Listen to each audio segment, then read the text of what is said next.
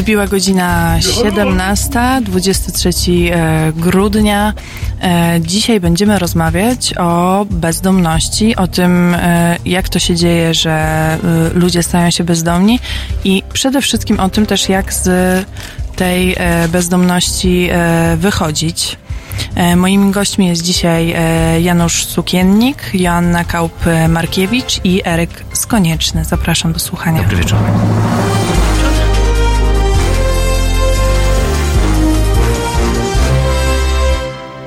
To jeszcze na początek e, dwa słowa o moich e, gościach. E, pani Joanna jest kierowniczką przystań Caritas archidiecezji warszawskiej przy ulicy Wolskiej. Tak, schroniska dla osób. Schroniska. Mhm. Pan Janusz Tukiennik jest specjalistą do spraw projektów społecznych Caritas Polska, a Eryk Konieczny jest uczestnikiem programu wychodzenia z bezdomności i uzależnień dla młodych Damy Radę.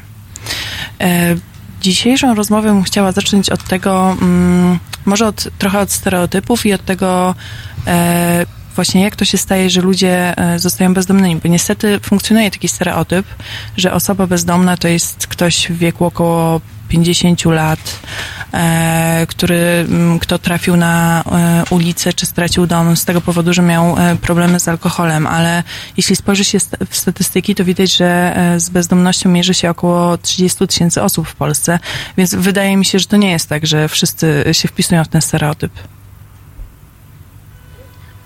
Witam Państwa. Y, no rzeczywiście mam duże doświadczenie w tym temacie, bo około 20 lat pracuję w Caritasie. Od 7 lat prowadzę schronisko dla osób bezdomnych. Jestem z zawodu pracownikiem socjalnym, więc to, co powiem, myślę, że jest pokryte moim doświadczeniem głębokim.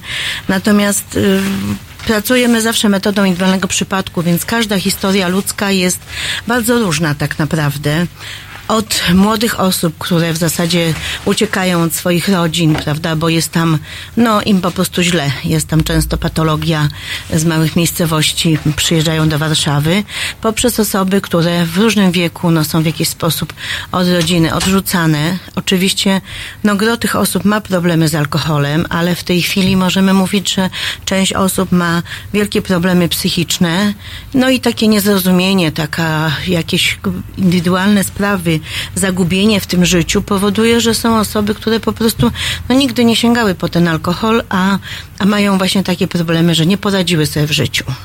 Na mhm. pewno tutaj no, mniejsze wykształcenie, aczkolwiek powiem, że na przełomie lat mojej pracy trafiają osoby do mnie z wyższym wykształceniem, jest ich coraz więcej w tej chwili, natomiast no wiadomo, że tak jakoś na to, że przez to życie idziemy jednokierunkowo, więc jakby jak ktoś się za mocno, szczególnie mężczyźni, skupią na jednych sprawach życiowych, na przykład na zdobywaniu e, kariery zawodowej, to potem jak już mu się to wszystko zawali, no to są na tyle słabi, że nie czasem nie potrafią się podźwignąć. Mhm. Często osoby właśnie wypadają z całkiem normalnych rodzin, prawda? I i najpierw jeszcze mają oparcie wśród znajomych, potem wiadomo jest pocieszycielka wódka na różnym etapie, no a potem, a potem to już tak się staczają, że, że muszą pod, przyjść do schroniska. Jeżeli nie chcą, no to też są w różnych takich miejscach niemieszkalnych albo mieszkalnych typu noclegownie, no gdzie wiadomo też towarzystwo jest różne i, i tak powoli dotykają tego dna. Mhm. Ale jeżeli z tego dna chcą się odbić,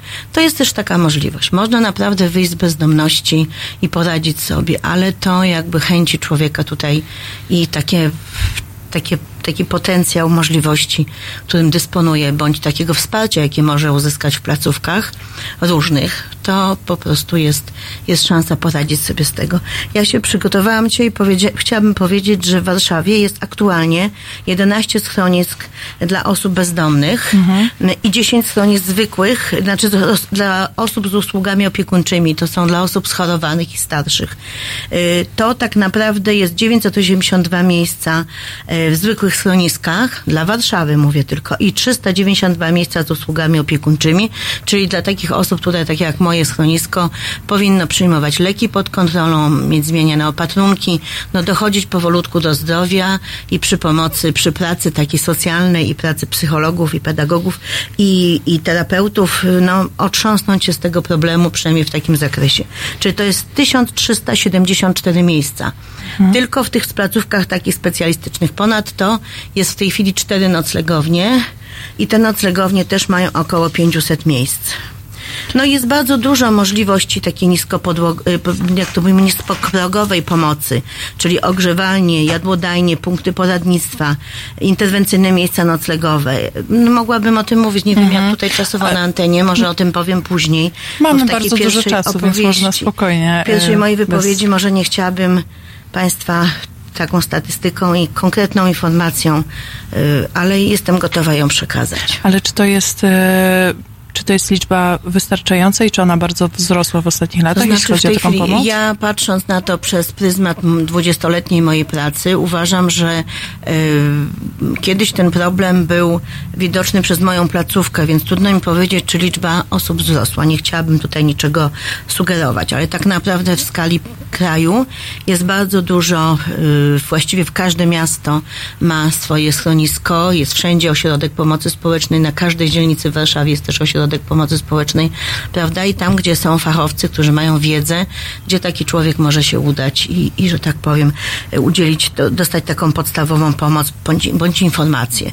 Natomiast w, w tych, że tak powiem, ponad 10-15 latach mojej pracy tych noclegowni była jedna, dwie. W tej chwili są cztery, rozbudowują się bardzo i w zasadzie na każdej dzielnicy jest jakiś punkt pomocowy różnie, prawda? Czy to są jadłodajnie, czy punkt poradnictwa, czy właśnie ogrzewalnie, no, czy właśnie schroniska specjalistyczne. I tam trafiają ludzie, aż yy, tak, że zmieniła się ustawa o pomocy społecznej i w tej chwili, żeby dostać się do takiego schroniska specjalistycznego, to jakby powinien być przeprowadzony wywiad socjalny mhm. i decyzją administracyjną, tak jak każda pomoc jest przyznawana, yy, tak jak pomoc yy, jest przyznawana miejsce w schronisku na okres na przykład 3-4 miesięcy, bądź jest przedłużane, jeżeli jest taka potrzeba, dla osoby, która jest z Warszawy bądź województwa mazowieckiego. Mhm. Natomiast wszystkie inne osoby oczywiście dostają takie, takie miejsce na czas określony, ale potem powinny wracać do swoich terenów, że tak powiem. Ja dzisiaj obserwuję, że odkąd y, stosujemy się do tych przepisów i ośrodki pomocy społecznej wydają takie decyzje, to na ulicach jest po prostu więcej ludzi. Możemy mieć taki mhm. odbiór. Ja dzisiaj sama spóźniłam się jadąc tramwajem i, i w, tylko w jednym wagonie, w którym byłam, były dwie osoby młode, do których zabrakło mi czasu, żeby żeby podejść, ale tak naprawdę widziałam, że to są osoby, no, które po prostu pachniały inaczej i były zaspane yy, i czuło się woń alkoholu, prawda? I te osoby no, gdzieś się pogubiły. Właśnie w tym okresie świątecznym takich osób coraz więcej się widzi na ulicach Warszawy. Ale to, to w związku z tymi um, warunkami, z tą zmienionymi zapisami ustawy, to jakby... Um, kto może dostać takie miejsca, kto jest jakby... To znaczy, no są różne progi, prawda? Do placówki niskoprogowej, czyli noclegowni, może dzisiaj przyjść każdy i mogę podać konkretne adresy, gdzie można się zgłosić, jeżeli ktoś jest w tej chwili na ulicy, słyszy tą audycję, może tam pójść i na pewno miejsce się dla niego znajdzie. Natomiast jeżeli ktoś jest na przykład w szpitalu, to w każdym szpitalu jest pracownik socjalny i takie, y, i tak jest, jeżeli ktoś nie ma gdzie wyjść, na przykład ma w dowodzie osobistym jakiś stary, dawny adres, który jest już nieaktualny, prawda, jest faktycznie osobą bezdomną, to może się zgłosić do pracownika socjalnego i pracownik socjalny rozpocznie procedurę i pomoże w tym, aby y, właściwy ośrodek pomocy społecznej, gdzie się znajduje y, dany szpital na przykład, pokierował tą osobą tak, aby znalazła się w schronisku. I teraz czy zwykłym, czy specjalistycznym, to już w zależności od stanu zdrowia. Mhm. Czyli jeśli ten stan zdrowia właśnie wskazuje na to, że trzeba pod kontrolą przyjmować leki, to wtedy zapewne trafi do specjalistycznego. Tak, dokładnie. I takich ośrodków jest właśnie, y, w, w takich ośrodkach jest łącznie Y, że tak powiem, 392 miejsca w Warszawie. Fakt, że one są w tej chwili w 90% zajęte, no ale po to jest cały system. Y, najlepszy ośrodek w Warszawie, Wolski, prowadzi y, cały, że tak powiem, całą procedurę, nadzoruje wszystkie dzielnice, w związku z tym no jest, jest szansa, że taka osoba, jeżeli chce, to się tam znajdzie po prostu miejsce i schronienie. Mhm. E, za chwilę jeszcze będę podpytywać e, więcej wszystkich e, gości, e, ale teraz posłuchamy trochę muzyki, usłyszymy utwór Smash My Head.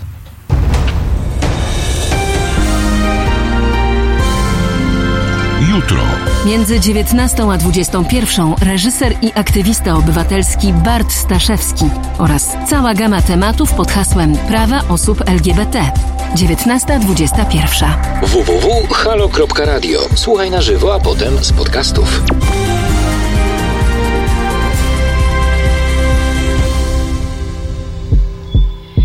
Smash my head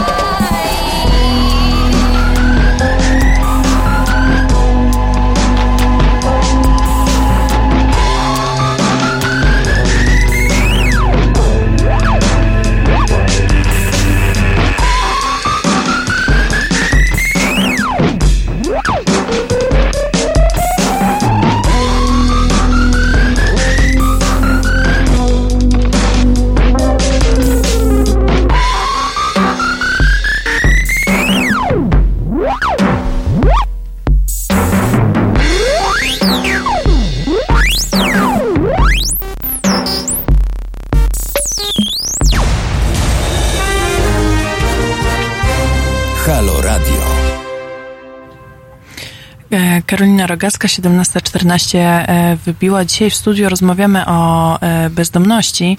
Mm, I za, za, zaczęliśmy trochę od e, opisu miejsc, w których, w których można szukać pomocy, jeśli, jeśli mierzy się z kryzysem bezdomności. Ale chciałabym też mm, jeszcze później ten temat, jak pomagać albo jak wychodzić z bezdomności, trochę pogłębimy. Mm, Ale chciałabym też zapytać o taką osobistą trochę historię. Eryk, to teraz będzie pytanie, pytanie do ciebie. Jakbyś, no właśnie, opowiedział trochę o, o, tym, jak to u ciebie wyglądało mm, i jak udało ci się z tego kryzysu wyjść. U mnie to wyglądało tak, że ja się zawsze cały borykałem ze swoim problemem z uzależnieniami. E, wiadomo, że wiadomo, że nie było kolorowo w moim życiu. To, że byłem w rodzinie zastępczej, e, to, że e, że przyjaciele, że chciało się popisać i tak wychodziło, że zacząłem zacząłem po prostu pić, brać. Wydawało mi się, że to jest czysta zabawa.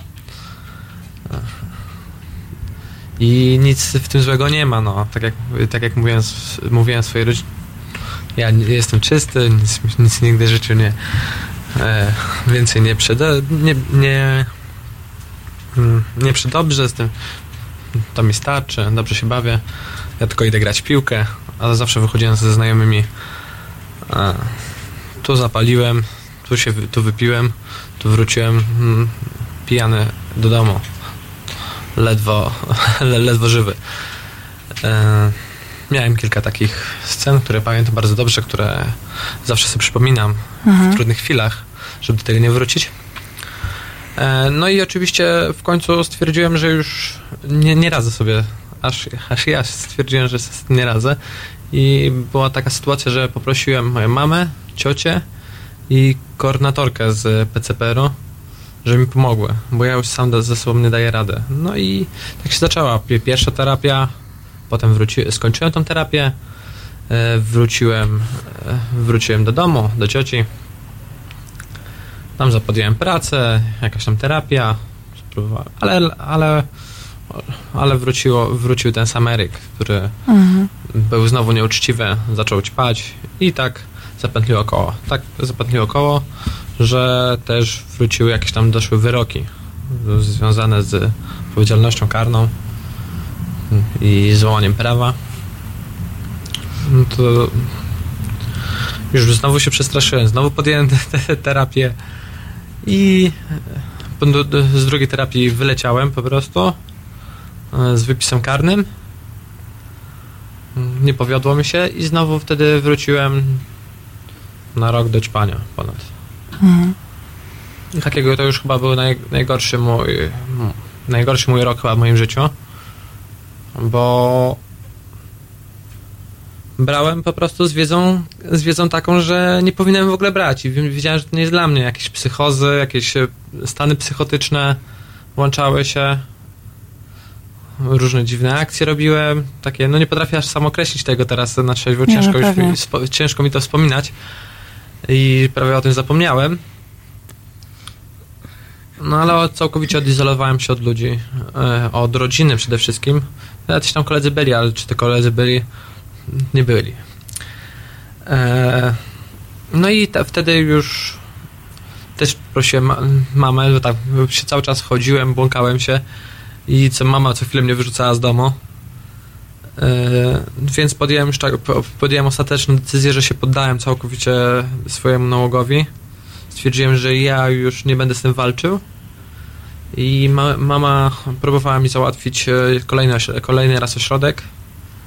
I to był Monar, ale nie zgodzili się bez podjęcia detoksu. No i to, to więc podjąłem, pod, poszedłem na detoks, w którym tam byłem 11 dni chyba. E, I po 11 dniach tra, trafiłem na roczną terapię do Monaru w Głoskowie. I tam spędziłem rok, który mm, chyba mi pomógł.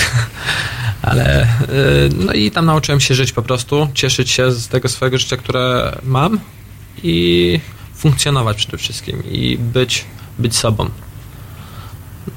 no to kolejnym krokiem było tak, że nie chciałem, bo moja bezdomność wyglądała tak, że bardziej nie chciałem wracać do swojego miasta rodzinnego, czy, którym jest Otwock.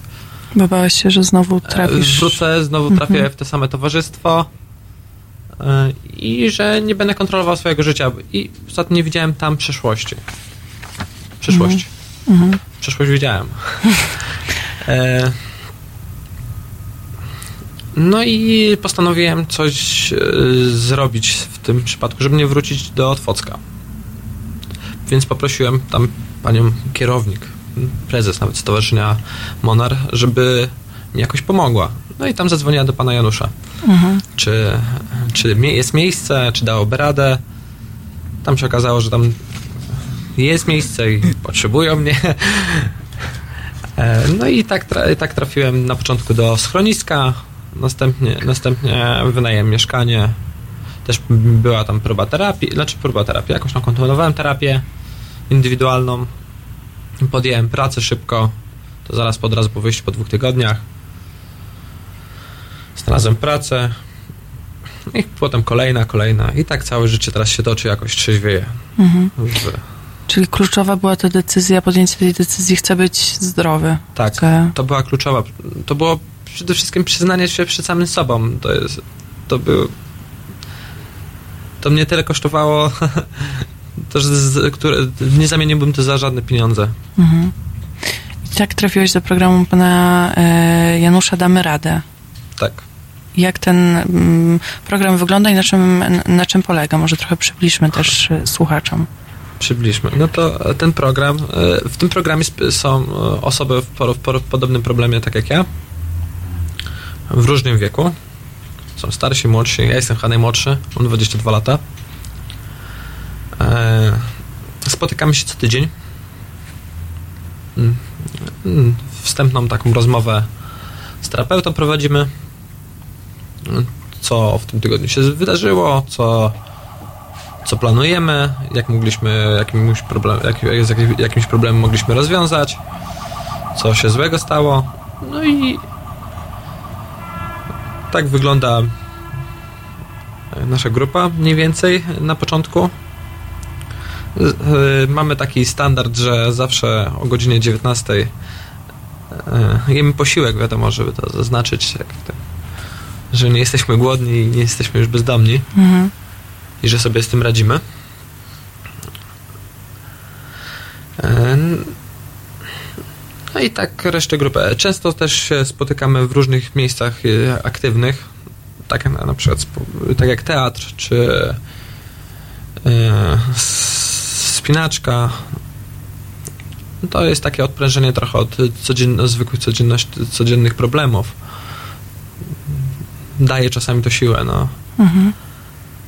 No i przede wszystkim mamy, otrzymujemy wsparcie od pana Janusza, pani Gosi, e, psychologa Przemka, terapeuty e, pana Czesława. Mm, To jest potrzebne po wyjściu z terapii, bo zawsze mamy do kogoś się otworzyć i nie, w tym przypadku nie brakuje nam osób, bo jest tak wspaniała kadra. Mhm. Czyli program e, Damy Rady to jest trochę takie mm, ułatwia po prostu powrót do społeczeństwa i do takiego funkcjonowania e, codziennego. Można tak, tak to ująć, w skrócie. Mhm. daje motywację, wspiera i i pilnuje no przede wszystkim, opiekuje się nami. Mhm. Ci ludzie są bardzo zaangażowani na, w swoją pracę i w nas przede wszystkim. Poznają nas od każdej strony i starają się to poznać Mhm. i nas zainspirować. Co możemy dalej zrobić, podpowiadają. Lecz nie zawsze to im wychodzi. Nie, no Wiadomo, to pe- jeśli ktoś pewnie. chce. Mm, Najważniejsza jest ta mm, pewnie jakaś wewnętrzna e, motywacja. E, ja za chwilę jeszcze też podpytam pana, pan, panie Januszu, skąd w ogóle pomysł, żeby taki program stworzyć, żeby on wyglądał taka, tak, a nie inaczej, bo e, podejrzewam, że jak powstawał i pewnie w, da, w dalszym ciągu to jest jednak dość innowacyjny pomysł, bardzo potrzebny, ale jednocześnie innowacyjny. E, ale najpierw posłuchamy e, Nothing Else Matters.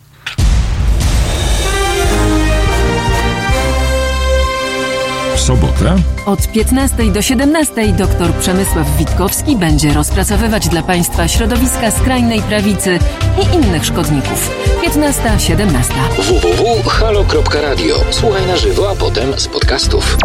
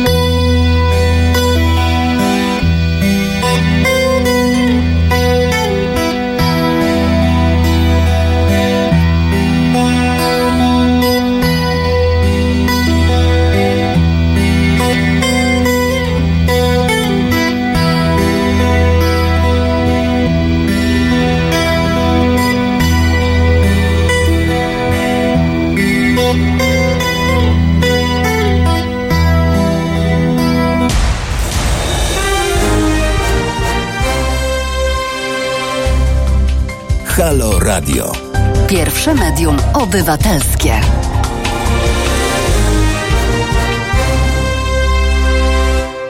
Siedemnasta trzydzieści jeden, 23 grudnia, Karolina Rogaska z Państwem, e, a z moimi gośćmi rozmawiamy o e, bezdomności. E, Panie Januszu, prowadzi Pan program Damy Radę. Jak mógł Pan powiedzieć parę słów więcej o, o tym, jak on wygląda, w jaki sposób e, Państwo pomagają e, osobom, które mierzą się z kryzysem e, bezdomności albo w ogóle z kryzysem życiowym, tak jak przed chwilą opowiedział nam o tym Eryk.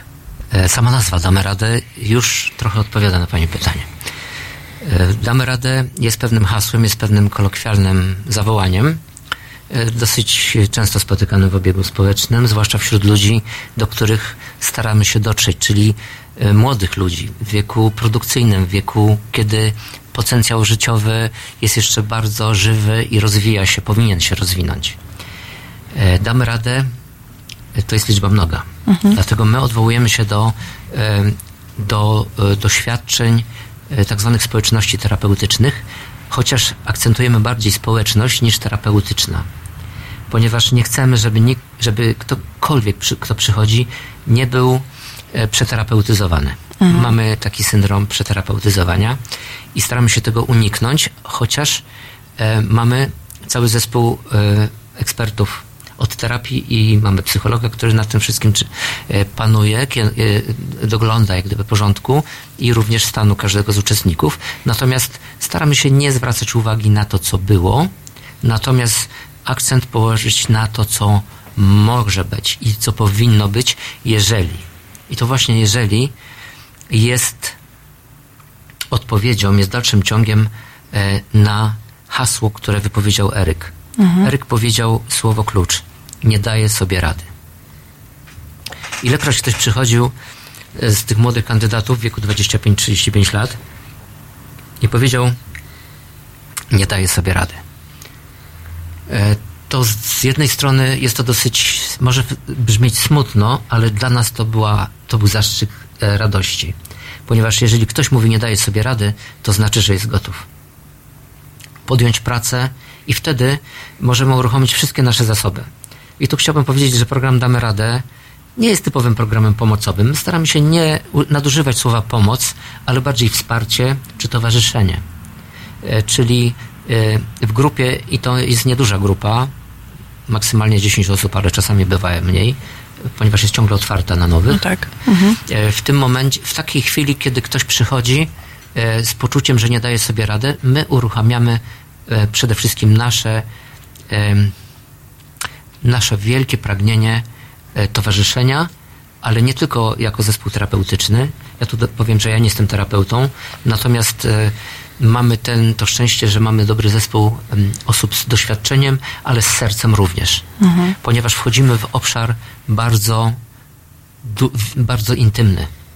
E, Człowiek, e, szczególnie młody, poraniony przez swoje, swoją młodość, przez często patologiczny dom, rodzinę, tam gdzie powinien otrzymać wzmocnienie, zasilenie e, na dalszą drogę w życiu, on otrzymał tak naprawdę ciężkie rany. Bywa tak. I wtedy bardzo mamy ograniczone możliwości poma- pomagania w sposób e, klasyczny. My możemy tylko w tym wieku, kiedy kształtuje się jeszcze osobowość, ale jest jeszcze e, dużo takiej pierwotnej energii, możemy uruchomić ambicje, dobry przykład e, rówieśników w zespole, dlatego jest ta społeczność taka ważna i jednocześnie dostarczyć trochę paliwa, czyli pożywienia, e, co ja rozumiem przez pożywienie. Oni są głodni. Wszyscy uczestnicy są głodni. Oni nawet nie, nie wiedzą, czego są głodni. Głodni są życia, głodni są awansu, głodni są e, miłości, głodni są e, Boga, głodni są em, czegoś nowego, przeżycia czegoś, przeżycia życia chociażby. I dostarczyć taki, takiego pokarmu jest naprawdę trudno. I my się nie podejmujemy dostarczyć tego, natomiast możemy wskazać jak i gdzie Gdzie szukać? gdzie szukać. E, Więc pierwsze co robimy, e, to staramy się e, w tym pierwszym, na tym pierwszym etapie uczestnictwa w programie doprowadzić przez ten zespół do uspokojenia uczestnika, żeby on poczuł się bezpiecznie. I to nie zawsze jest łatwe, ale jest możliwe. W drugim etapem, następnym etapem to jest pokazanie dobrych wzorów. E, Podniesienie, to się nazywa mądrze, podniesienie poprzeczki aspiracji społecznych, ale my to robimy w, ten sposób, żeby, żeby pokazać, że możesz więcej. Twoje miejsce jest nie tylko e, gdzieś tam na podwórku czy przy trzepaku, ale możesz pracować e, wysoko. W związku z tym e, uruchamiamy jakieś potrzeby kulturowe, kulturalne. E, Chodzimy do teatru, do kina. E, Dużą e, rolę u nas odgrywa ruch, czyli zajęcia sportowe i rekreacyjne.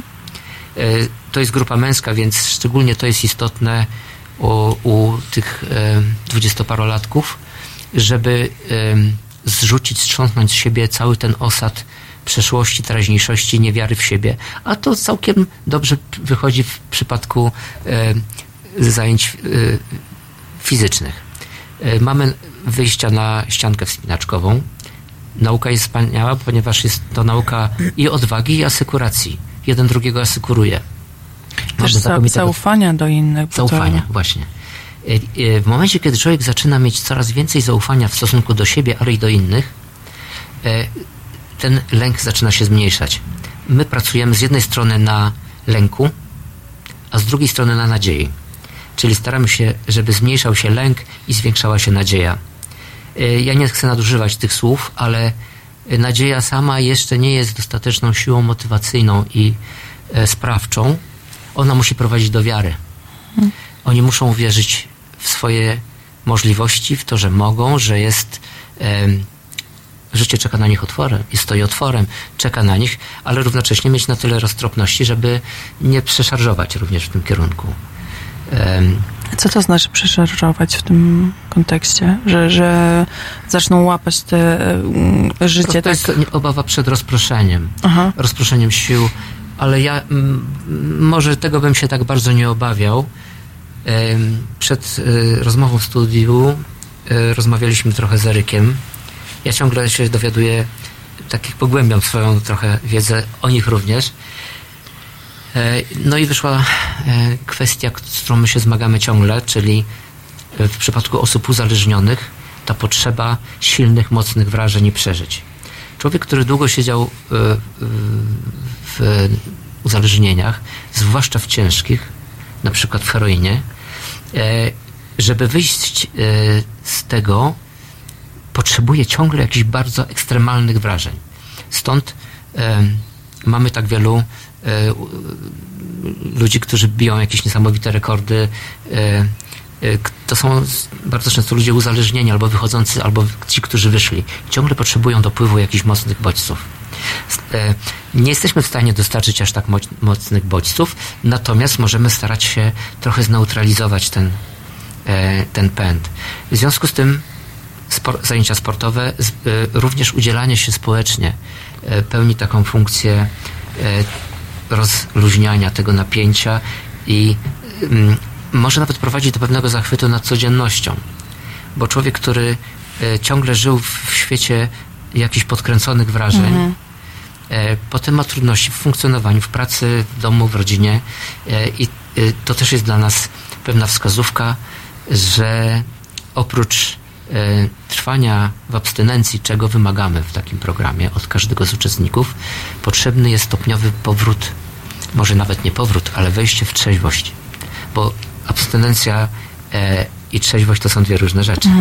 Może trzeźwość e, wyrasta z abstynencji, ale e, można być e, nie, e, abstynentem, czyli e, mówić, że jestem 20 lat e, niepijącym alkoholikiem, ale jeszcze nie wróciło albo nie przyszło myślenie trzeźwościowe, czyli analityczne. E, oc, e, nie ma tej oceny, co, e, co może mi zagrażać. I tu, tu są często nasze porażki. Zdarzają się oczywiście przypadki nawrotu, ale mm, co ciekawe, i to po pięciu latach naszych doświadczeń mogę powiedzieć, że każdy, kto chwycił chociaż trochę tej nadziei, kto doświadczył takiego pewnego poruszenia w życiu pozytywnym kierunku i zobaczył, że może być jeszcze inna grupa niepatologiczna, grupa twórcza, e, która również e, ma podobne problemy, ale walczy o coś, że e, taki mm, upadek, czy ym, powiedzmy nawet katastrofa, mm, często dobrze się kończy. To znaczy, spotykam kogoś, kto wypadł z programu, kto zapił, czy w jakiś inny sposób się zagubił i stwierdzam, że za 2-3 lata, że on funkcjonuje całkiem dobrze. Y, Umocniło się coś, co zostało zasiane. Więc my jesteśmy trochę siewcami. Siewcami nadziei, y, ale z drugiej strony y, jesteśmy mm, i mamy tego świadomość na pierwszej linii frontu, ponieważ młodzi ludzie, szczególnie młodzi ludzie, którzy wchodzą w życie, mają tak mało dobrych wzorów, mają tak wiele kompleksów, jednocześnie tak ogromny głód życia, że e, po prostu e, wszelkie e, uzależnienia czekają i to za każdym rogiem ulicy. To, co Eryk powiedział na początku, że nie daje sobie rady, to ja słyszę i staram się usłyszeć od każdego, kto przychodzi. Pomóc młodym ludziom To, bo to nie daje sobie rady, jest zarazem takim powiedzenie wprost potrzebuje pomocy, od tego się Tak, chyba wszystko... Mm, Ja myślę, że większość e, z młodych ludzi nie potrafi prosić o pomoc. E, Nie potrafi również powiedzieć, przede wszystkim powiedzieć, nie daje sobie rady, bo to jest może takie niehonorowe, z drugiej strony wstyd, a z trzeciej nie, nie daje się to wypowiedzieć. I staramy się, żeby doprowadzić do tego, żeby on to wypowiedział, bo to jest pierwszy znak pokory, e, bez której nic nie zrobimy. E, I często się zdarza, że ktoś przychodzi i opowiada nam, e, że owszem ma problemy, ale jakoś panuje nad swoim piciem. Czy czasami trawę zapali, ale no i od razu wiadomo, że nie przeszedł tego pierwszego kroku, czyli pokory. Dlatego oczekujemy, że każdy, kto przychodzi, powinien być po e, tej pierwszej wstępnej terapii uzależnień. E, Ja nie, nie uważam, że, że terapia jest e, całkowitym jakimś sposobem leczenia uzależnień, ale jest bardzo ważnym krokiem wstępnym i diagnostycznym. Jeżeli ktoś przeszedł podstawową terapię uzależnień, to przynajmniej wie, co mu dolega i wie, jakie są objawy nawrotu, bo te objawy mogą być czasami nieczytelne dla, dla kogoś, kto tego samego nie przeszedł. Mamy na przykład takie wypowiedzi, już mam dosyć tego schroniska, e, wyprowadzam się, tego em, muszę zacząć normalnie żyć i w normalnym przypadku to byłoby jak najbardziej na miejscu, słuszne godne poparcia. Natomiast w przypadku osoby uzależnieni e, to sygnalizuje gdzieś tam głębsze, racjonalne, nawet podświadome em, pragnienie e, tak zwanej wolności, czyli w schronisku mamy alkomat, trzeba być trzeźwym, to, to może być oznaka zbliżającego się głodu. E, W związku z tym i mamy parę takich przykładów, że też takie bardzo optymistyczne hasła muszę już zacząć żyć normalnie, wyprowadzić się, wynająć mieszkanie, często się źle kończyły. Czyli nie możemy pozwolić na to, żeby zbyt wcześnie e, ten nasz uczestnik e, wyszedł, jeszcze nie dojrzały do decydowania, jednocześnie, żeby go nie przenosić, jak to się mówi, czyli żeby wyszedł w tym momencie, kiedy już jest na tyle umocniony, e, że jest gotów przejść do następnego etapu. I szukamy, wspólnie szukamy następnego etapu, bo nie może znaleźć się po jakiejś tam terapii, czy po jakimś programie damy radę e, na ulicy, dlatego że wszystko może wrócić ze zdwojoną siłą. Ja jestem też bardzo ciekawa, jak ten moment się rozpoznaje, mm, ale to za chwilę, za chwilę dopytam. Teraz posłuchamy muzyki. E, Girl Like You. Halo Radio. Nazywam się Adam Bodnar, pełnię funkcję Rzecznika Praw Obywatelskich. Zachęcam Państwa do wspierania Halo Radio.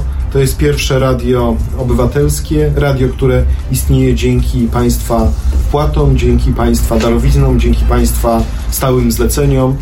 Zachęcam Państwa do przekazania drobnych kwot. Dzięki temu ten projekt będzie mógł się dalej rozwijać. www.halo.radio ukośnik SOS.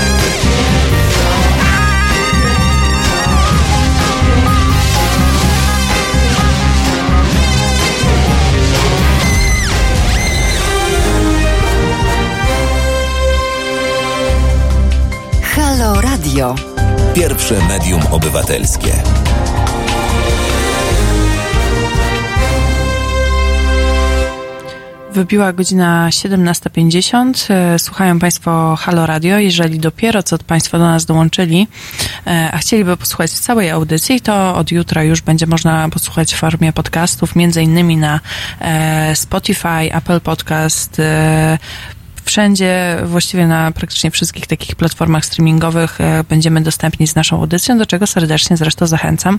A teraz już wracamy do tematu e, naszego dzisiaj głównego, czyli bezdomności. Mm, Powiedział Pan, że kiedy mm, ludzie, którzy, których dotknął kryzys bezdomności są e, w trakcie programu, to trzeba wyczuć ten moment, w którym nie, jakby nie zatrzymywać ich dalej, tylko gdzieś pozwolić iść i reali- realizować się już trochę na własną rękę. Jak wyczuć ten, ten moment, że oni są gotowi?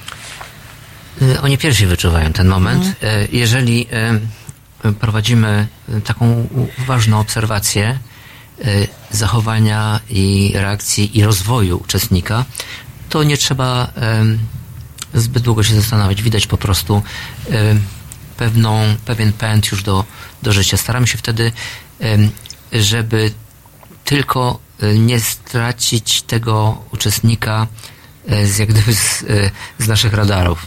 Żeby on miał taką świadomość, że zawsze może przyjść, że może zawsze liczyć na rozmowę z psychologiem, czy z terapeutą, czy z kimkolwiek, czy z, z To jest pewien model dla mnie wychodzenia z bezdomności etapami, taki szczebelkowy, ponieważ zbyt wiele widziałem już trugi- tragicznych sytuacji e, człowieka, który już wydawało się, już był, taka bajka była, już był w ogródku, już witał się z gąską. Prawda? I potem nagle wszystko się zawaliło, wystarczyło jakiś, jakiś kryzys, jakaś, jakieś nieszczęście, albo nawet jakaś, jakaś radość, nie? Jakiś stres pozytywny czy negatywny, który spadł i wszystko się zawaliło. I wtedy jak już się wali, to się wali naprawdę wszystko. E, Dlatego my sięgamy do ro- rozwiązań przeróżnych, e, ale to nie są jakieś książkowe rozwiązania, tylko życiowe, ponieważ program Damy Radę jest programem nawet nie motywacyjnym, ale inspiracyjnym.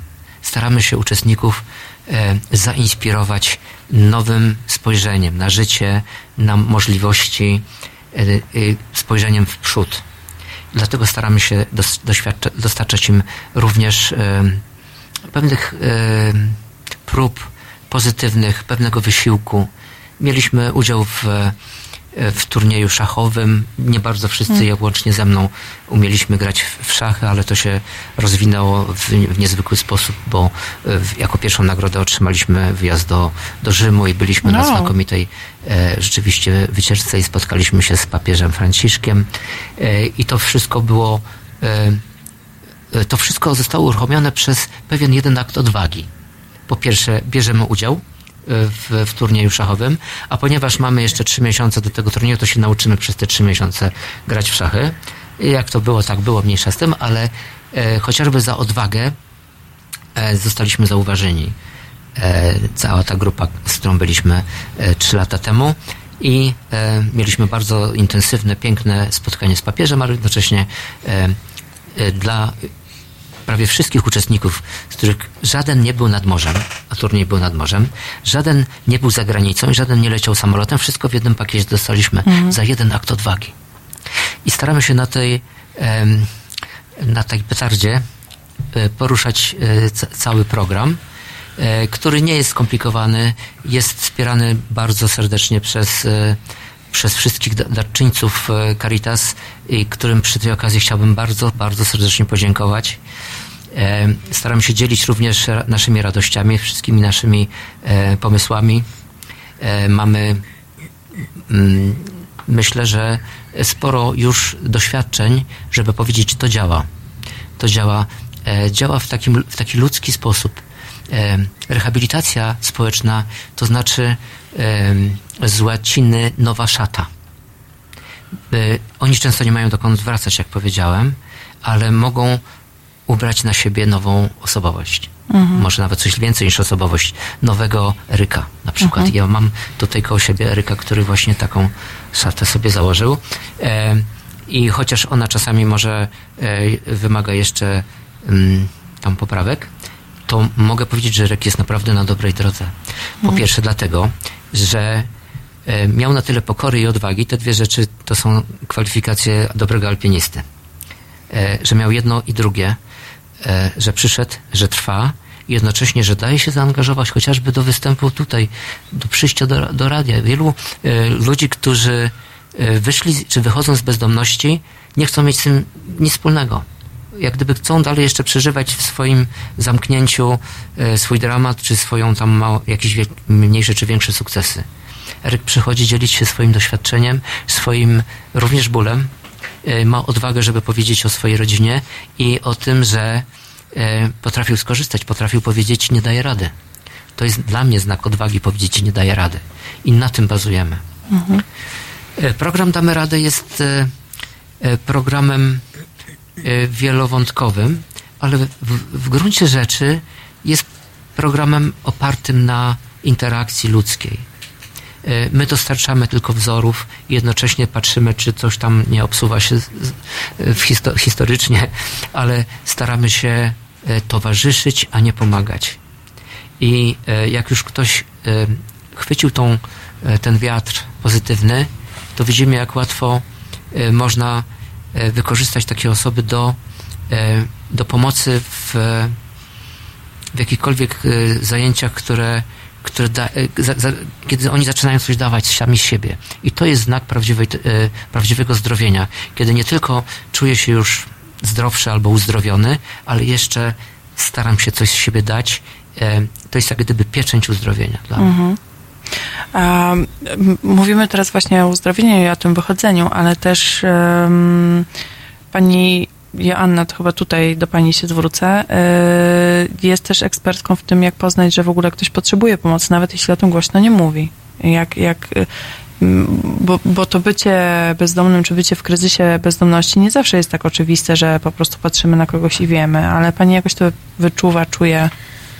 Znaczy przede wszystkim jesteśmy schroniskiem otwartym, bo w naszym towarzystwie jest taka poradnia, o której powiem, Stowarzyszenie Lekarzy Nadziei prowadzi. I tam można przyjść w sytuacji, nie wiem, bólu głowy, y, braku ubezpieczenia, braku możliwości dostania się do szpitala. Tam też działa, dyżuruje mm, pielęgniarka właściwie przez y, każdego dnia oprócz dni świątecznych. Jest dyżur pielęgniarki i przychodzą wolontariusze lekarze, lekarze stażyści, którzy po prostu no, chcą też spojrzeć swoim fachowym okiem na tego człowieka. Yy, I jest taka możliwość zgłosić się na ulicę Wolską 172 do lekarzy nadziei i też no, powiedzieć o swoich problemach. Wtedy tam pokierujemy. Jeśli to jest właśnie osoba młoda, to nie od razu ona trafia do takiego projektu, jaki pan Janusz prowadzi, bo często ona zostaje w placówce, prawda? Jest tam kilka miesięcy. Jeśli widzimy w niej też po rozmowie ze specjalistami, to w takiej rozmowie z psychologiem, czy właśnie z terapeutą, czy z pracownikiem socjalnym, że ten człowiek chciałby coś zmienić rzeczywiście, czasem jest to jego pierwsza taka wizyta, że tak powiem, w, takim nieporadzeniu sobie zgłosił się do konkretnej placówki. To potem y, jakby rekomendujemy go do przyjścia do takiego programu. I, i wiemy, że możemy mu pomóc, żeby właśnie tych młodych ludzi w jakiś sposób zatrzymać, zahamować, żeby nie poszli dalej. Bo dzisiaj moja placówka jest y, głównie dla osób starszych, bardzo schorowanych i niestety na przełomie tych lat widzę, że jeżeli człowiek sobie nie poradzi, nie, nie pomoże mu się we właściwym czasie, to niestety idzie dalej w ten dół. To znaczy jest to oczywiście odbicie się od, od, od dna, myśli sobie, że człowiek że sobie poradzi, wynajmuje sobie mieszkanie, nawet kilka lat gdzieś pracuje, poznaje kogoś, kto również ma problemy i to się tak czasem ta sprawa nawarstwia. No i potem po paru latach znowu przychodzi i jest w tym samym punkcie wyjścia. Więc wtedy próbujemy analizować tą całą sytuację. No alkohol niestety zaciera obraz taki indywidualny każdemu, prawda? Natomiast taką wielką misję, jaką niosą, jaką niesie w ogóle Stowarzyszenia Osób y, i Rodzin Abstynenckich, które w Warszawie działają, jest ich bardzo dużo, można je znaleźć y, na pewno. Na pewno jest takie spotkanie na Wolskiej, tradycyjnie odbywa się już przynajmniej od 22 lat, kiedy istnieje e, tam schronisko grupa anonimowych alkoholików, alkoholików spotyka się. Są to osoby, które mieszkają, nigdy nie były czasem bezdomności, ale po prostu łączy ich ten problem i mają wiele lat trzeźwości i mogą być takimi opiekunami osób, które tam się zgłoszą po raz pierwszy. Też chętnie pokierują, coś podpowiedzą, zaproszą na meeting. E, Więc można po prostu przyjść i powiedzieć, nie radzę sobie z alkoholem. Oczywiście dobrze by było, żeby przyjść na takie spotkanie trzeźwym, bo osób nietrzeźwych na teren ośrodka nie wpuszczamy. Z tego, z tej przyczyny, że no, trzeźwienie można zacząć od właśnie detoksu, czyli od takiego pobytu na oddziale czy szpitalnym, czy terapeutycznym, po to, żeby organizm został otruty. Bo często ktoś mówi, że ja już nie piłem e, dwa dni czy pięć dni, a alkomat jeszcze wskazuje, bo w nim niestety, jak to mówimy, zamiast krwi płynie alkohol. I takie jest nasilenie organizmu, że to, że to powoduje, że dostaje się często padaczki poalkoholowej, a nawet yy, no, potem schorzeń, które powodują, że, że człowiek nie, 40-letni wygląda jak 60-letnia osoba, zaniedbuje się na tyle, że po prostu no, nie jesteśmy w stanie mu tak od razu pomóc od ręki, bo to jest duży proces. Yy, Wspominamy w tej chwili też takiego pana, który yy, przyszedł właśnie w tym okresie świątecznym, bo też wspomnę, że u nas Wigilia jest Wigilię i jutro jest Wigilia organizowana przy ulicy Żytniej w naszym schronisku Caritasu i jest również Wigilia organizowana przy ulicy Wolskiej. E, W związku z tym tam no, ktoś z rodziny, ktoś ze znajomych czasem podrzuca taką osobę zaniedbaną, e, prawda? Więc pamiętam, że jak mm, w zeszłym roku kogoś takiego nam ktoś podwiózł z ulicy, no to musieliśmy zacząć od tego, żeby ten człowiek się najpierw umył, ogarnął, a potem pilnowaliśmy, żeby nie, nie zjadł wszystkiego, co, co, co miał pod ręką, ponieważ no, y, to spowodowało jego wielkie problemy żołądkowe i tak dalej, więc tutaj pielęgniarka się włączyła, prawda, która no niestety ograniczała temu panu jedzenie, ponieważ twierdził, że nie jadł od kilku dni, więc no niczego nie można zrobić tak raptem, prawda, natomiast e, z takiego ośrodka, schroniska rekomendujemy osoby na przykład teraz do takiego programu mieszkań e, treningowych, rekomendujemy do takiego programu, jaki prowadzi pan Janusz, bo chodzi o to, żeby te młode osoby, które trafiają, no jak najszybciej dostały wsparcie. Natomiast u nas też y, na 100 osób mieszkających y, w tej chwili no jest i dwóch psychologów, i dwóch pracowników socjalnych, i terapeuci, grupa wsparcia, i taka grupa, y, i taki terapeuta, który przychodzi i dzieli się swoim posłaniem, po prostu niesie swoją historię i opowiada też o sobie. Zaczyna od tego, że mnie się też ktoś mi we właściwym momencie udzielił pomocy i w pewnym momencie otrząsnęłem się z tego i zacząłem prosić o to, o to wsparcie i, i jakby stosować się do tych wszystkich zaleceń, bo gro ludzi, no, którzy są dzisiaj na ulicy, czy którzy mm, są w schroniskach, już czasem jest dla nich za późno po prostu e, na to, żeby, żeby tak od początku powiedzieć, że jestem 65-letnim człowiekiem schorowanym i sobie poradzę w samodzielności mieszkaniowej. Nie poradzę sobie w zależności, jaką też miałem sytuację. Jeżeli wyszedłem z normalnej rodziny i miałem jakieś podłoże takie, że umiem, jestem zaradną osobą, umiem sobie poradzić, to tak, ale niestety jak analizujemy i odwiedzamy te osoby w mieszkaniach i tak też robiłam w ostatnią sobotę, to niestety na trzech odwiedzonych panów właściwie każdy był w innej sytuacji, ale była też taka osoba, która po prostu no, nadawałaby się natychmiast do przewiezienia do schroniska, bo po prostu tak zaniedbała swoje mieszkanie pod względem czystościowym, tak zaniedbała siebie pod względem zdrowotnym, że właściwie no, dalej sobie nie poradzi. Musimy no, po świętach uruchomić całą procedurę na przykład takiej konkretnej dla niej pomocy. A to jest tak, bo mówi Pani o osobach, które się zgłaszają, ale jest tak, że Pani też mm, widzi kogoś takiego na ulicy, czy w autobusie, czy w tramwaju i, i pyta, czy potrzebuje pomocy i mówi, że jest taki Znaczy, program? no ja, ja czasami tak robię. Natomiast y, w Warszawie działa mnóstwo organizacji innych, które po prostu y, poruszają się i prowadzą takie działalności stricte czyli y, jeżdżą do y, takich miejsc niemieszkalnych, gdzie wiemy, że gdzieś w pustostanach mieszkają osoby bezdomne, które nie chcą przestać pić, nie chcą przestać się, że tak powiem, ogarnąć i nie chcą być w schronisku, bo dla nich ta trzeźwość, ten nasz wymóg jest bardzo trudny. Y, Więc jakby y, te osoby docierają do takich miejsc i próbują da, dać informacje. Natomiast y, mówię, że nikt w Warszawie w tej chwili nie powinien być, y, że tak powiem, brudny i zaniedbany, bo są na przykład łaźnie, trzy łaźnie oraz punkt sanitarny prowadzony przez właśnie organizacje pozarządowe, które, które wspiera finansowo Urząd Miasta Stołecznego Warszawy. I na przykład taka łaźnia jest prowadzona u nas w Caritasie przy ulicy Żytniej 1A. To jest na tyłach Urzędu Dzielnicy Wola przy głównej ulicy Solidarności. Jest tak zwana łaźnia mobilna, którą prowadzi Caritas Archidiecezji Praskiej. Y, Ona ma lokalizację w tej chwili przy ulicy Żwirki Wigury, ale jest, że tak powiem, zmienia miejsca, bo to jest taki kontener przewo- mm, do przewozu. Y, Od stycznia 2020 roku będzie przy ulicy Wenedów, y, czyli na tyłach Starego Miasta, taka mała uliczka. Y, Od września jest kompleks nowo otwartych placówek zlokalizowanych przy ulicy Grochowskiej. Grochowska 111 przez 113, w której wchodzi łaźnia, jadłodajnia, ogrzewalnia całodobowa i noclegownia. I tam można jakby, no, jeśli spotykamy taką osobę, podać po prostu ten adres i tam ją skierować. Punkt sanitarny prowadzony jest jeszcze przez, y, y, przez mm, y, ojców salezjanów przy ulicy Sapieżyńskiej 3. Tam jest możliwość kąpieli i ubrania się. No jest jadłodajnia też przy ulicy Miodowej. Także jest bardzo dużo takich punktów, gdzie w każdym miejscu na pewno będzie człowiek, który udzieli takiej konkretnej pomocy.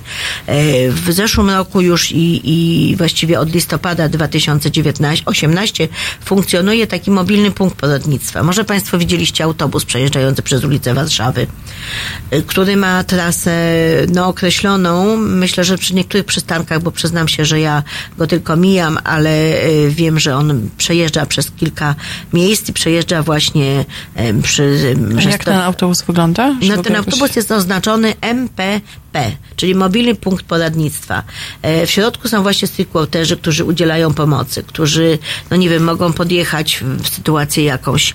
Nie mamy tutaj do nich y, no, takiego kontaktu telefonicznego, to pewnie będzie zmienione od, od stycznia, bo jest bardzo ważne, żeby na przykład w sytuacji, kiedy taki człowiek zaniedbany jest y, w autobusie, no powiedzmy, kiedy się mu zasugeruje, żeby on wysiadł z tego autobusu, to żeby na przykład mógł znaleźć się w takim autobusie. No, Warszawa robi co może, aby, aby pomóc, natomiast na pewno bardziej sprawdziłyby się jakieś mniejsze samochody, prawda, które mogłyby e, tym ludziom w takim kryzysie udzielać, udzielać wsparcia. E, No jeśli będzie mocna zima, no to wtedy wszyscy powinniśmy się mocno zaangażować w taką informację i, i pomoc. Mhm. E, zaraz też właśnie więcej o tym, jak pomagać i też o tym, że bezdomność to jest właściwie coś, co może dotknąć e, nas wszystkich i nie ma, mm, że tak powiem, sytuacji stuprocentowo e, bezpiecznych i stuprocentowo takich, w których e, m, jakby możemy czuć, że nigdy, że kryzys bezdomności to jest coś, co nigdy mm, na naszej ścieżce życiowej się nie pojawi, ale najpierw posłuchamy utworu Harvest Moon.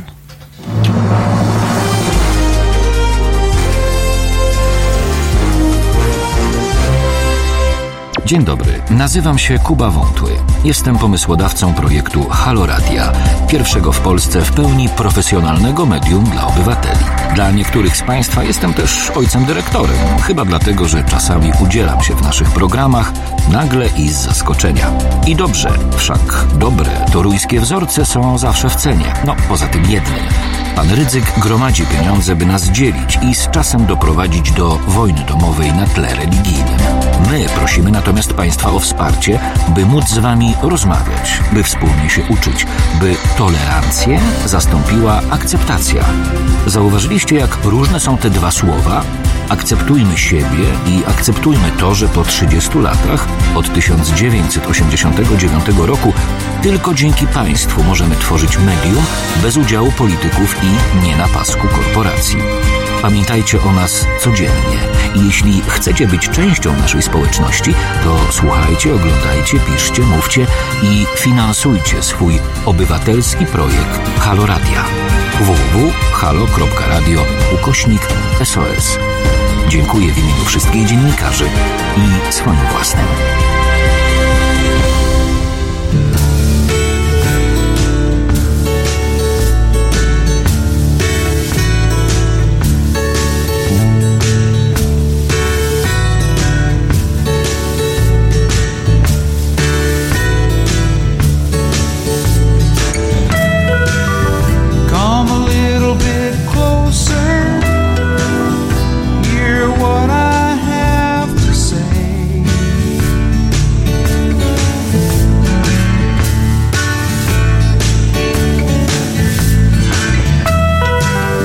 Just like children sleeping.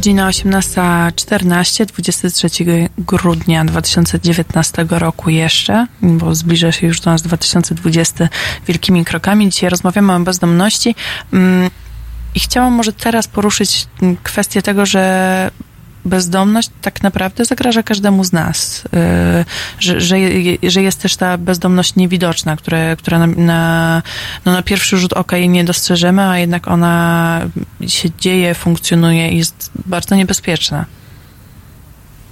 Może pan Janusz nam. E, Pierwsze takie moje wrażenie i uwaga jest taka, że nie każdy dostrzeżony w autobusie czy w tramwaju, e, kto sprawia takie odpychające wrażenie, e, to jest bezdomny. Bezdomność coraz częściej ma, jest niewidoczna. E, Ja nawet używam e, takiego słowa, które ktoś mi podsunął, że bezdomność to, e, bezdomni to są ci, których nie widać. Najczęściej w dużych miastach bezdomnego człowieka nie rozpozna się tak gołym okiem. Często to są ludzie zadbani, to są ludzie, którzy są, można powiedzieć, nieodróżnieni od tłumu, natomiast można by w pewnym sensie ich rozpoznać. Są, po prostu nie mają dokąd iść. Jest jakaś pustka w ich życiu, jest jakaś pustka w ich e, oczach, jest jakaś pustka w ich poruszaniu, poruszaniu się. E, To jest e, duże miasto, czyli często to jest społeczność w dużym procencie ludzi wykorzenionych.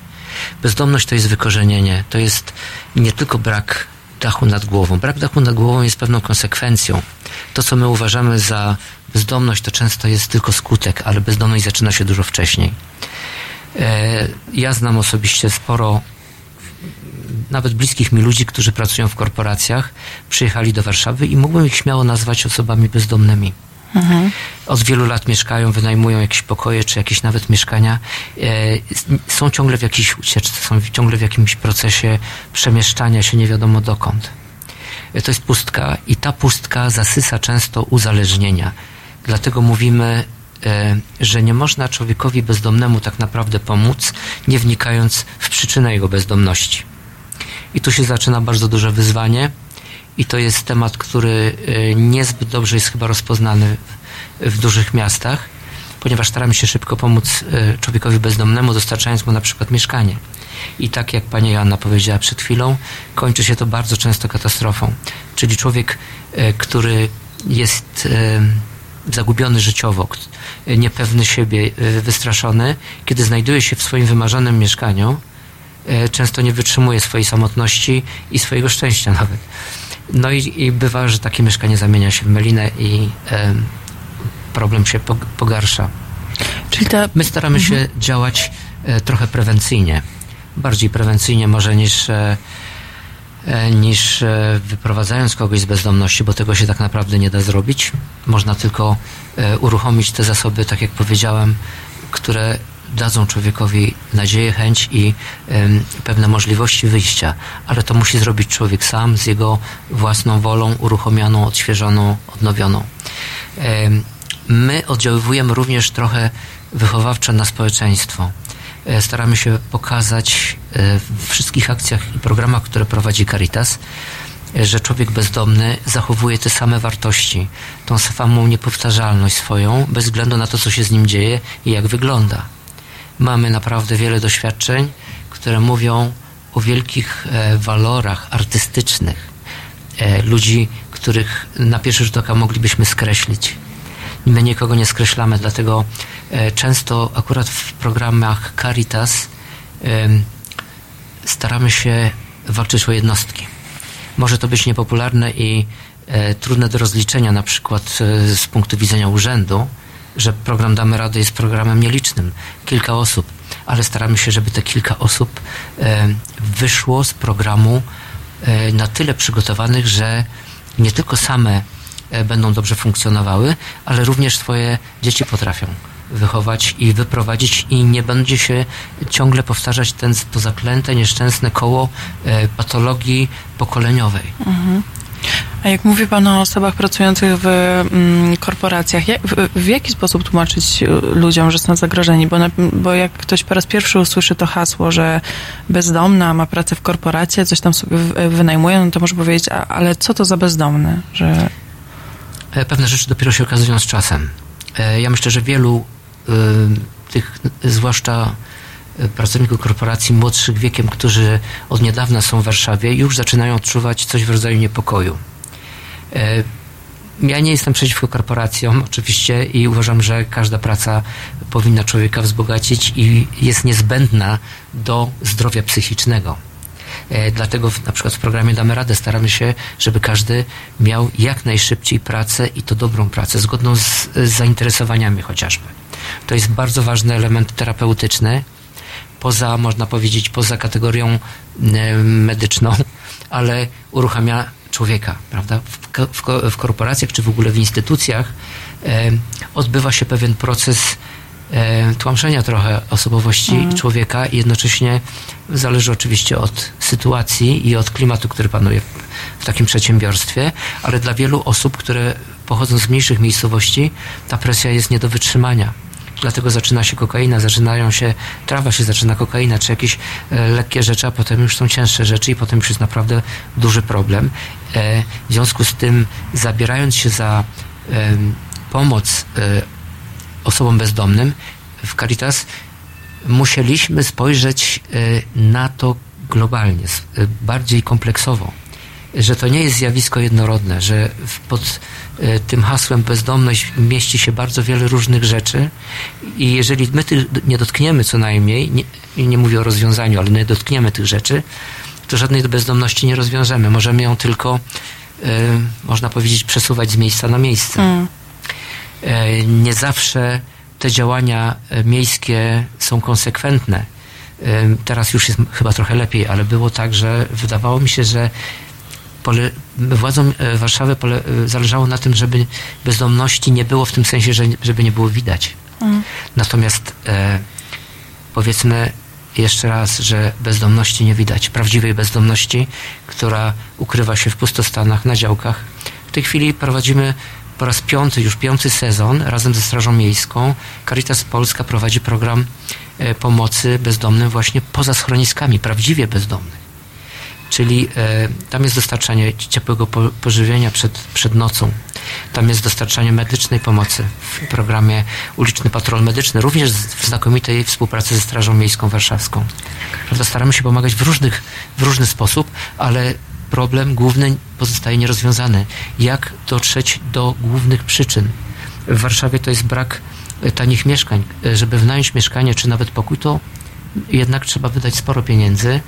A Często to jest pod uwagę- połowa pensji albo i dwie trzecie pensji. To są tak, to a zabójcze jeżeli ceny. ktoś ma jeszcze zadłużenia komornicze, a wśród bezdomnych osób zadłużonych jest bardzo wielu i ja przypuszczam, że to jest jedna, jedna z przyczyn bezdomności również, ucieczka przed jakimiś gigantycznymi długami, które rosną e, i e, nie widać końca i czasami trudno to wszystko spłacić.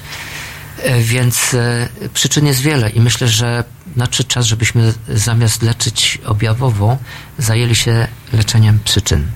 Mhm. I to jest taki apel nie, tylko do organizacji pomagających, ale przede wszystkim do władz, do władz miejskich, samorządowych, mm, do wszystkich instytucji, które mają wpływ na formowanie ludzi w, w społecznościach miejskich. I też pewnie trzeba byłoby się w ogóle zająć takimi kwestiami jak zdrowie psychiczne Polaków, bo e, to też może być jedna z przyczyn e, bezdomności, jak, jakaś taka trudna sytuacja życiowa, a później nieumiejętność poradzenia sobie z tym, co się dzieje z psychiką człowieka, no bo ona zawsze trochę podupada, jeśli jest jakaś trudna okoliczność typu mm, bardzo duży kredyt do spłacenia, a jednak e, no, ta ochrona zdrowia psychicznego u nas no, wymagałaby dużych zmian, żeby, żeby to wszystko lepiej funkcjonowało i też takiej świadomości, edukacji społecznej mam wrażenie, że, że tego jest trochę za mało. Trzeba zacząć chyba od początku, Mhm. Czyli od świadomości młodych ludzi wychodzących z, z, z domów dziecka. Nie zawsze są dobrze przygotowani do samodzielnego życia. E, Myślę, że dużo jest do zrobienia również w programach postpenitencjarnych. E, W ramach programu Damy Radę zajmujemy się również pomocą postpenitencjarną dla e, młodych wychodzących z zakładów karnych. I to jest prawdziwy dramat. To są za, zaniedbania ogromne. I człowiek po odbyciu kary e, pozbawienia wolności wychodzi z poczuciem, że pracy nie znajdzie ze względu na swoje, e, swoją przeszłość, że nie będzie miał gdzie mieszkać. Do domu nie chce wracać, bo tam jest środowisko patogenne, które może pociągnąć go z powrotem tam, gdzie skąd wyszedł. W związku z tym staje się bardzo łatwą ofiarą różnych grup przestępczych e, i e, myślę, że jest potencjalnym klientem pani Anny. Mhm. Jeżeli nie znajdzie się ktoś, ja już nie, nawet nie mówię instytucja, ale ludzie zaangażowani społecznie, którzy będą takiemu wychodzącemu z zakładu karnego e, pomagali rozejrzeć się, znaleźć pracę i przekonać go, że można zacząć nowe życie i że pracę też można znaleźć. My mamy takie możliwości i okazało się, że pracodawcy wcale nie, nie wszyscy są negatywnie ustosunkowani do tych, którzy wychodzą z zakładów karnych. Mhm. Jeśli mogę się wtrącić, to są dwie placówki. Jest taka Fundacja Sławek, która wprawdzie nie jest placówką, tylko jest placówką pomocową i, i nie mam w tej chwili namiarów na nią, ale można ją znaleźć w internecie dla osób wychodzących z więzienia po wyrokach i jest y, placówka stacjonarna, y, to jest patronat, y, która się mieści na Siennickiej 48 i tam osoby z aktualną kartą wyjścia z zakładu karnego mogą się też zgłosić. Wiem, że nawet jeszcze tam miejsca są. Tam jest taka współpraca i z kuratorami, i z prawnikami. No i można znaleźć miejsce schroniskowe, także są takie organizacje, bym powiedziała, specjalistyczne. Tak jak mm, zawsze tak uważamy, że, że właśnie Monad zajmuje się teraz osobami młodszymi, jest terapia, jest bardzo dużo placówek monarowskich, nam, czy na Marwilskiej jest, y, czy teraz jest nowa, nowa placówka, która się mieści przy ulicy Myśliborskiej 53. Y, To są, że tak powiem, miejsca noclegowe i, i nowa placówka prowadzona, także można, można znaleźć wsparcie w Warszawie, jeżeli tylko troszkę się chce Mm, i jeśli no, jest człowiek na tyle gotowy, że, że podda się po prostu mm, poradnictwu osób, które wiedzą to troszkę lepiej, czy widzą to w większej, perspektywy i po prostu chcą, chcą pomóc. Natomiast no, jak człowiek chce pozostać na ulicy i nie, nie dbać o siebie, no to niestety ta bezdomność czasem tak trochę pachnie inaczej i odrzuca to e, zdrowe społeczeństwo i taką, taką niechęcią czasem te osoby darzymy, no bo jeździmy tymi samymi, chodzimy tymi samymi ulicami, jeździmy tymi samymi środkami komunikacji. I ja czasem dla przestrogi ludzi młodych mówię, żeby, e, żeby na przykład nie wiem, ustąpili miejsce osobie starszej my, i nie siadali na tych, na tych wyściełanych y, aksamitem fotelach, bo to niestety jest nośnik no, często y, różnych robaczków, które można przenieść potem sobie do mieszkania. No ale to już tak w ramach żartu takiego, że, że niestety młodzi ludzie w tej chwili no, nie zauważają y, nikogo oprócz siebie, nie, nazarzają, nie zauważają starszych ludzi. A myślę, że jesteśmy w okresie takim świątecznym i tak jak moim mieszkańcom mówię, żeby wysłali kartkę do swojej rodziny, do kuzynów, do, do, do rodzeństwa. Często rodzice już nie żyją, prawda, ale z kim spróbowali od, zna, nawiązać kontakt ponownie właśnie przy okazji świąt. E, Tak byśmy mogli zaapelować do wszystkich, którzy tutaj w Warszawie e, no, żyją, żyją sobie dobrze, aby nie zapominali o swoich rodzicach i aby po prostu pojechali do nich na święta. E, Tak jak w tej chwili no, słyszymy w, tele, w telewizji, prawda, że coraz więcej osób starszych jest umieszczanych przez swoje rodziny w szpitalach w okresie świątecznym. Tak, tak. Tak, ja na przykład bardzo się cieszę, że ode mnie z placówki aż 15 osób w tym roku wyjeżdża na święta, zaproszonych jest przez różnych znajomych, przyjaciół. Pytamy się oczywiście, kto kogo zaprasza, po to, żeby móc potem e, z psychologiem pracować na tych zasobach ludzkich, bo jeśli się nie ma takiego światełka w tunelu i kogoś, dla kogo warto coś zrobić pozytywnego e, i kto może dla nas coś zrobić pozytywnego, to jest naprawdę bardzo trudno żyć. Samotność, nawet najbardziej luksusowie urządzonym mieszkaniu, nawet uzyskanym czy z zasobów właśnie miasta, przy wyjściu z bezdomności, no nie daje y, możliwości, że tak powiem, daje mniejsze szanse, bo zawsze znajdzie się ktoś, kto zapuka niestety z alkoholem po sąsiedzku i problem zacznie się od nowa. Także nieprzepracowanie jakiejś lekcji niestety no nie daje szansy, że się tą szkołę dobrze ukończy. No tak, i, i właśnie to wsparcie i takie poczucie, że y, ktoś przy nas jest i towarzyszy nam w tym procesie y, zdrowienia i wychodzenia z bezdomności jest ogromnie e, ważne. Ja za chwilę jeszcze zapytam e, o to, mm, jak jeszcze można pomagać, a jak lepiej na przykład nie pomagać, e, co jest mm, lepszym sposobem, co gorszym na, na pomoc osobom, które mierzą się z kryzysem bezdomności. E, A teraz posłuchamy, jak Barbara Wrońska śpiewa nam e, utwór Nie czekaj.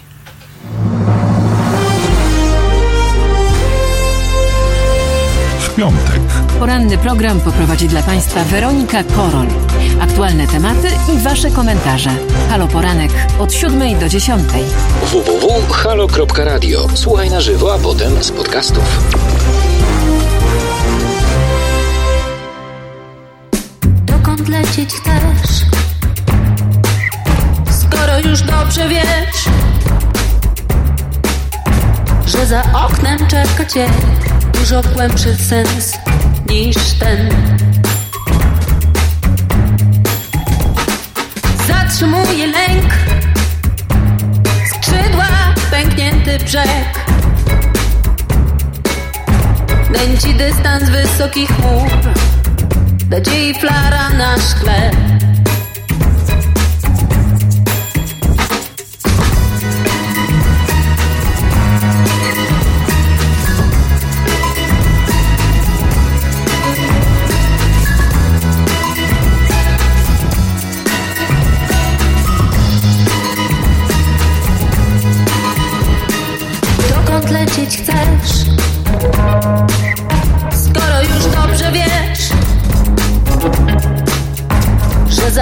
Oknem czeka cię dużo głębszy sens niż ten.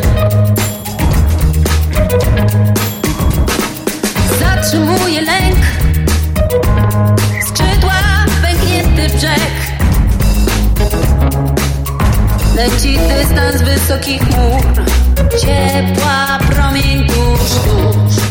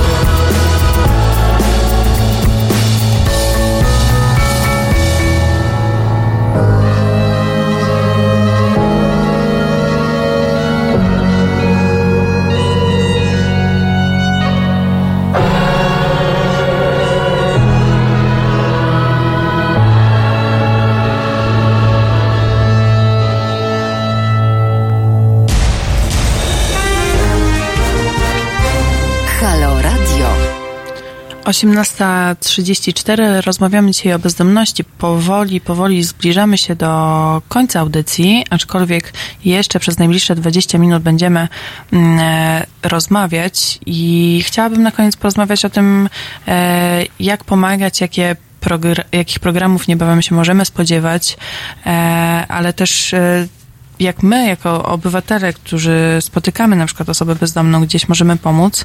Mm, ale może chciałam od Ciebie, Eryku, zacząć. Co dla Ciebie w procesie wychodzenia z kryzysu było najbardziej pomocne? Najbardziej pomocne?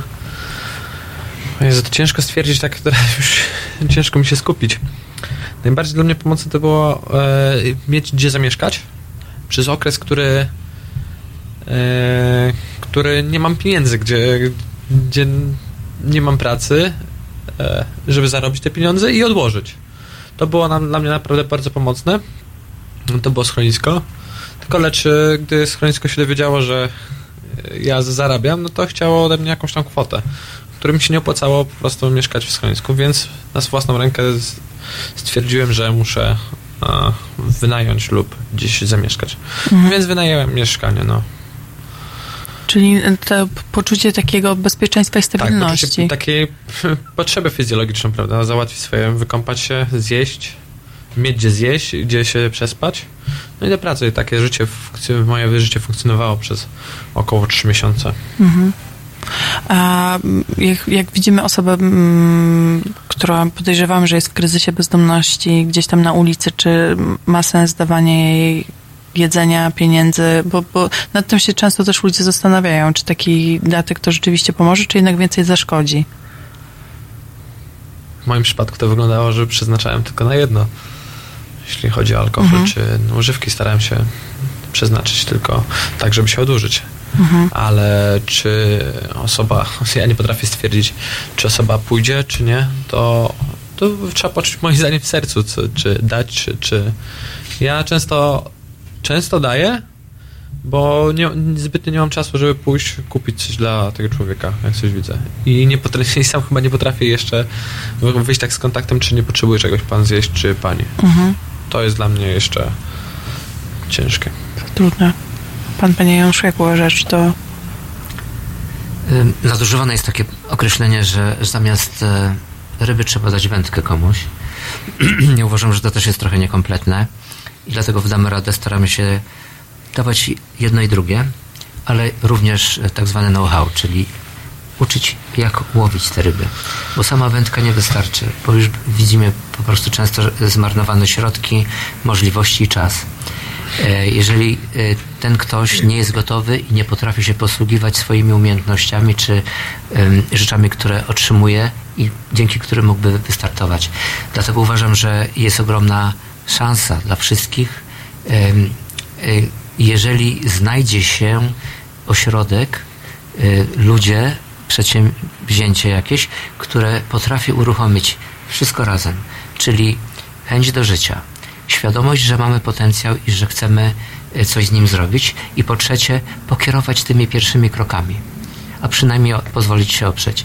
Myślę, że w Warszawie jest, są możliwości i jest możliwość wyjścia z kryzysu bezdomności e, i wszystkie, z tego wszystkiego, co się wiąże z kryzysem bezdomności, czyli z uzależnień również i z takiego poczucia rozbicia. E, To jest duże zadanie i to jest często żmudna praca, ale jest taka możliwość. Dlatego w moim przypadku e, mogę powiedzieć, że ten program, który prowadzimy, je- rokuje dobrze. Nie jest to program liczny, ale można w Caritas Polska na Okopowej 55 dowiedzieć się, jeżeli ktoś chciałby, odczuwa chociaż trochę e, takiego pragnienia zmiany swojego życia i potrafi powiedzieć, nie daje sobie już rady, tak jak Eryk powiedział, i wtedy naprawdę rzucimy wszystko, żeby mu pomóc na jakimś tam etapie życia. Myślę, że ktoś, kto jest e, poza tą kategorią, może się zgłosić do schroniska, mimo że miejsc w schroniskach nie ma, zwłaszcza teraz, o, tym, o tej porze roku, ale w schronisku można rozpocząć, rozpocząć pewien proces wychodzenia z bezdomności, chociażby e, s- y, przejść terapię uzależnień, spotkać się z psychologiem, e, załatwić e, odnowę dokumentów czy różnych spraw e, urzędowych. Jakiś początek, a chociażby zatrzymać ten proces e, takiego e, takiej degrengolady życiowej. E, trudno powiedzieć, e, każdy wymaga jakiegoś innego podejścia. E, trudno jest po- pomóc osobie bezdomnej, tym bardziej jeżeli ta osoba straciła nadzieję. Ale tak jak Eryk pięknie powiedział, to w sercu się odczuwa. Ja widzę czasami, jak przy osobie wyraźnie bezdomnej czy mm, rozbitej życiowo na ulicy ktoś się pochyla. Roz, jakąś taką chwilę rozmowy. Mi się to też zdarzyło niedawno i dużo mi to dało.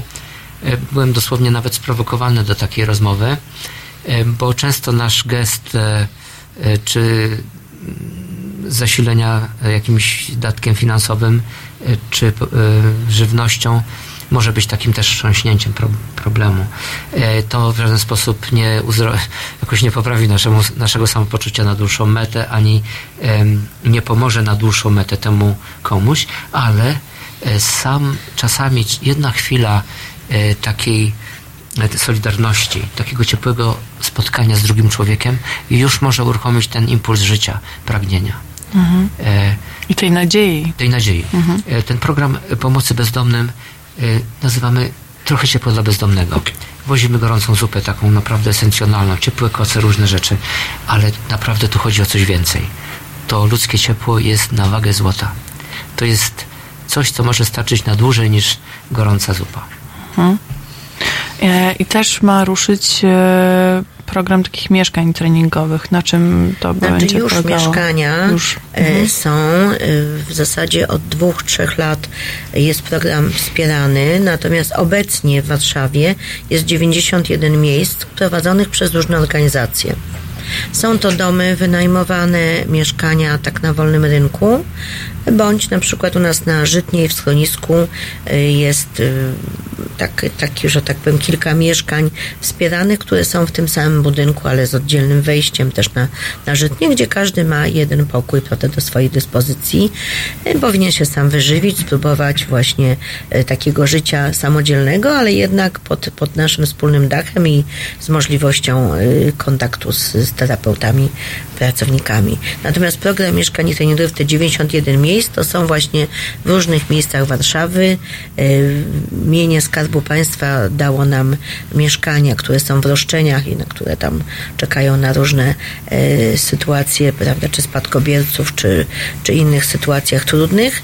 Te mieszkania przeznaczamy na takie tymczasowe, y, dwuletnie czy trzyletnie programy osób, które były w schronisku i są stamtąd rekomendowane, pracują już zawodowo, są po terapii, oczywiście jest to obwarowane zorganizowane no, szczególnymi zasadami i te osoby przeważnie mają złożony wniosek o lokal socjalny i nie jest to tak szybciutko i tak, i tak pięknie, jakby się mogło powiedzieć, ponieważ jest to cały proces. Nie jest tak, że można w ciągu roku wyjść z bezdomności, ale na pewno w ciągu roku można się przygotować do takiej samodzielności i przejść przez te kolejne etapy, czyli najpierw zacząć od zgłoszenia się do noclegowni.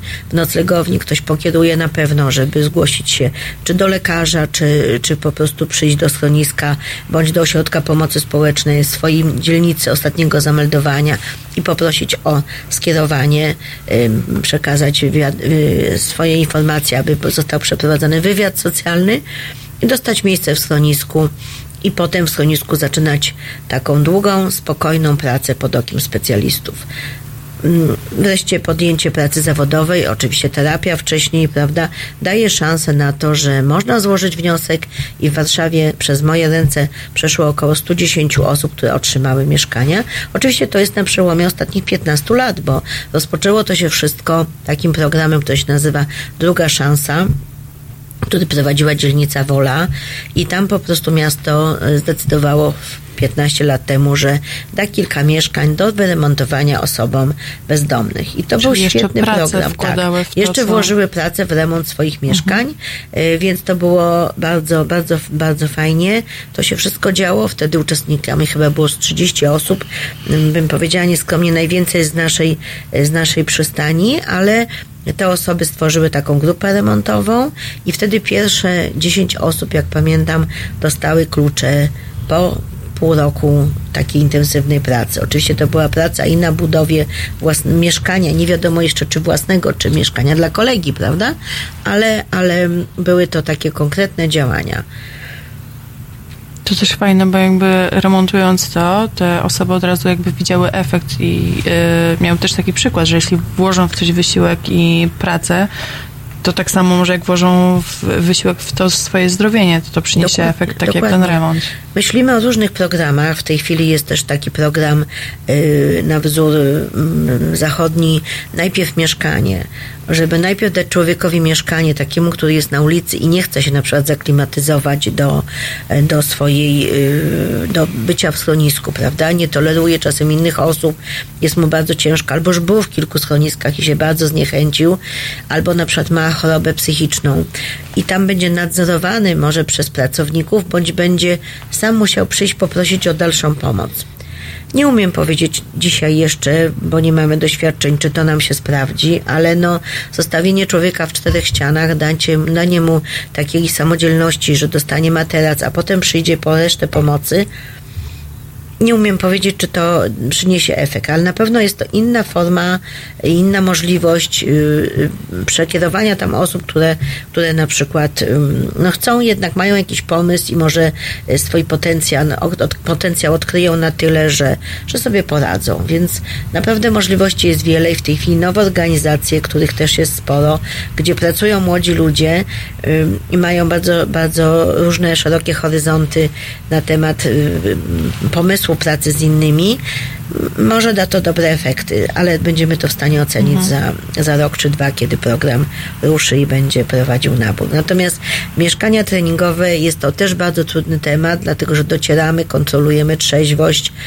Panowie są czasem i troszkę napiętnowani przez swoich sąsiadów, bo, bo sąsiedzi niekoniecznie dobrze znoszą to, że w jednym mieszkaniu mieszka sześć i, i siedem osób, prawda, i, i nazywają, że oni są, prawda, bezdomni i tutaj na pewno to oni w tym śmietniku na, nawrzucali tam jakiś, jakiś, prawda, butelek, po czym my mówimy, no ale ci panowie nie są bezdomni, bo mieszkają obok pana, prawda, i niekoniecznie oni zostawili te butelki, może któryś właśnie z sąsiadów, który wracał też pijany do domu, prawda, po, no, rozrabiał na tej klatce. Także jest to bardzo trudna praca i tutaj życie się składa z wielkich szczegółów, które są bardzo ważne i uczymy ludzi jakby czasem od początku takiego zadbania o siebie, takiego właśnie poznania środowiska, poznania innych osób, zaklimatyzowania się w tej nowej rzeczywistości i to, to jest taka czasem praca u podstaw. Mhm.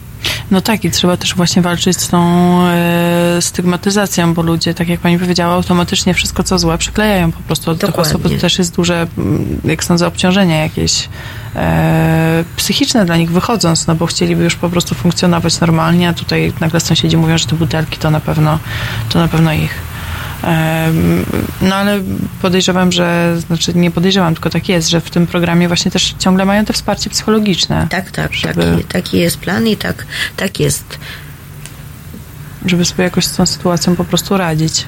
To też jest fajne, że właśnie jest to, to, to e, ciągłe towarzyszenie e, tym osobom, znaczy ciągłe przez te 2-3 lata, później jakby mm, zostaje jakiś kontakt z, z nimi po wyjściu z tych e, programów. Tak, spotykamy się, piszemy karteczki, czasem je y, zanosi, zanoszą koledzy, w, że tak powiem, w kadencji drzwi. Mieliśmy tydzień temu takie spotkanie i wszystkie te osoby dostały informację, że u nas jest Wigilia w Wigilię. Myślę, że kilka osób przyjdzie, które są już domne, usamodzielnione. Natomiast mieliśmy takie, y, takie y, kolejne spotkania, ale to było zorganizowane właśnie w sobotę, kiedy ludzie już po pracy będą mieli czas. Bardzo spotkanie się udało. No przyszło około 30 osób na 80 wysłanych zaproszeń. Mhm. To duży odzew. Tak No naprawdę. myślę, że to tak można oceniać. Natomiast niestety wśród tych 100 osób, które się usamodziel- usamodzielniły, niestety yy, 20% no już niestety nie żyje, prawda? Z różnych przyczyn. Ale dla nas y, powrót do, do rzeczywistości takiej rodzinnej to jest nie tylko wyjście z bezdomności w postaci uzyskania lokalu, tylko to jest powrót też czasem do rodziny.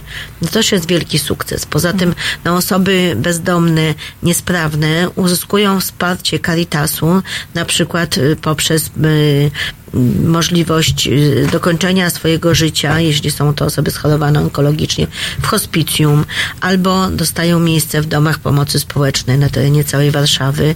Więc też no, nie wszyscy, mm, że tak powiem, y, są docelowo w naszych schroniskach, bo jednak w takim moim schronisku statystyka jest taka, że trzykrotnie w skali roku zmienia się miejsce.